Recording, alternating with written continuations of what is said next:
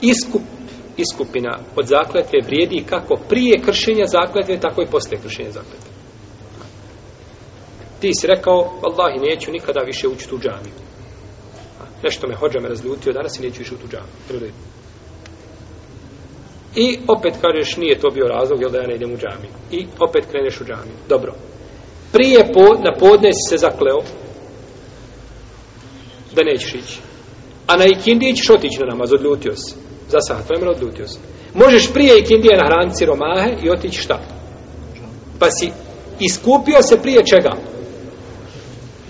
Prije kršenja zaklete. Zaklete si prekršio kad pređeš preko vrat, preko praga, jeli, džamijskog ili redu. Znači, tako da je dozvoljeno da se to čini, znači, i prije i poslije. I džumhur uleme kažu da je dozvoljeno prije. Džumhur uleme kaže da je dozvoljeno, znači, da se, da se to učini prije i to se prenosi od 12 sada poslanika sallallahu alaihi wasallam.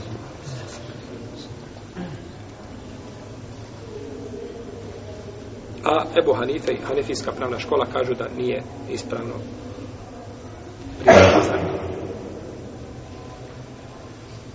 Šafija kaže da može i ne može. Šafija kaže da može i da ne može. Ne može, kaže, kada je u pitanju post. Ne može post tri dana pa prekršiti zakon. Znači čovjek se zakleo nešto. Nema mogućnosti da nahrani, nema mogućnosti da šta?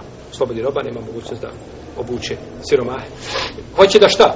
Posti. Kaže, ja ću posti tri dana, pa ću prekršiti zaklet. Kod šafije takva iskupina nije šta validna. Ali je validna ako nahraniš ili obučeš ili oslobodiš roba. U redu. Pa je validna kod prve tri stvari koje je izbor, a nije validna kod, kod posta.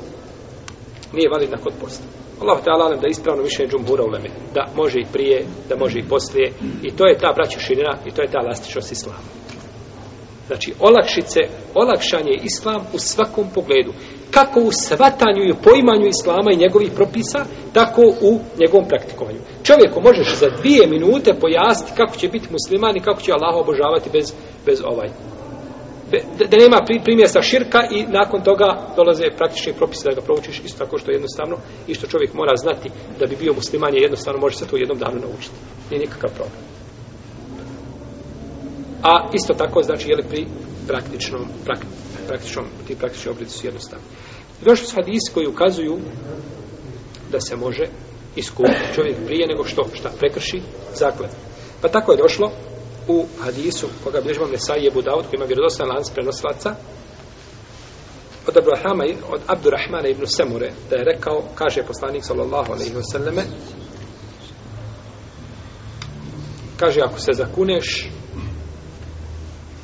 na nešto pa vidiš da ima bolje kaže iskupi se potom učini ono što je bolje iskupi se potom učini ono što je šta bolje dolazi iskup prije čega prije kršenja zakletve.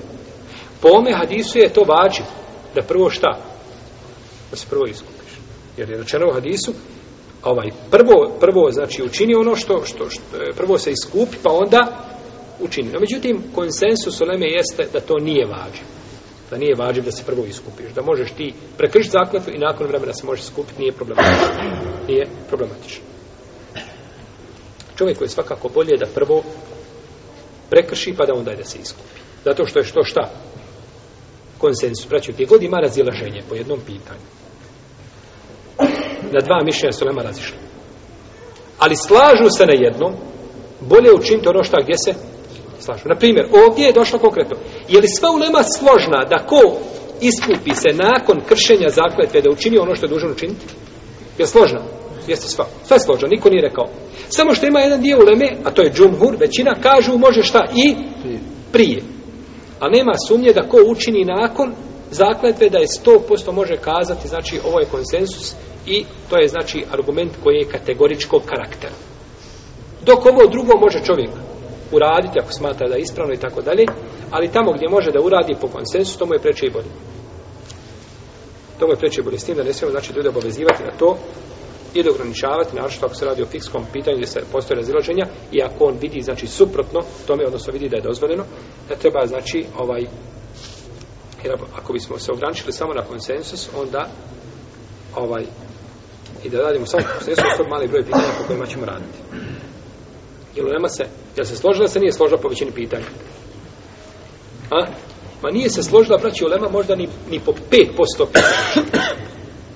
5% pitanja deset kada bismo kazali, ne bismo smjeli, znači, pomjeriti dalje. A nema deset posto. Nema deset posto pitanja koji su lema složno stvari.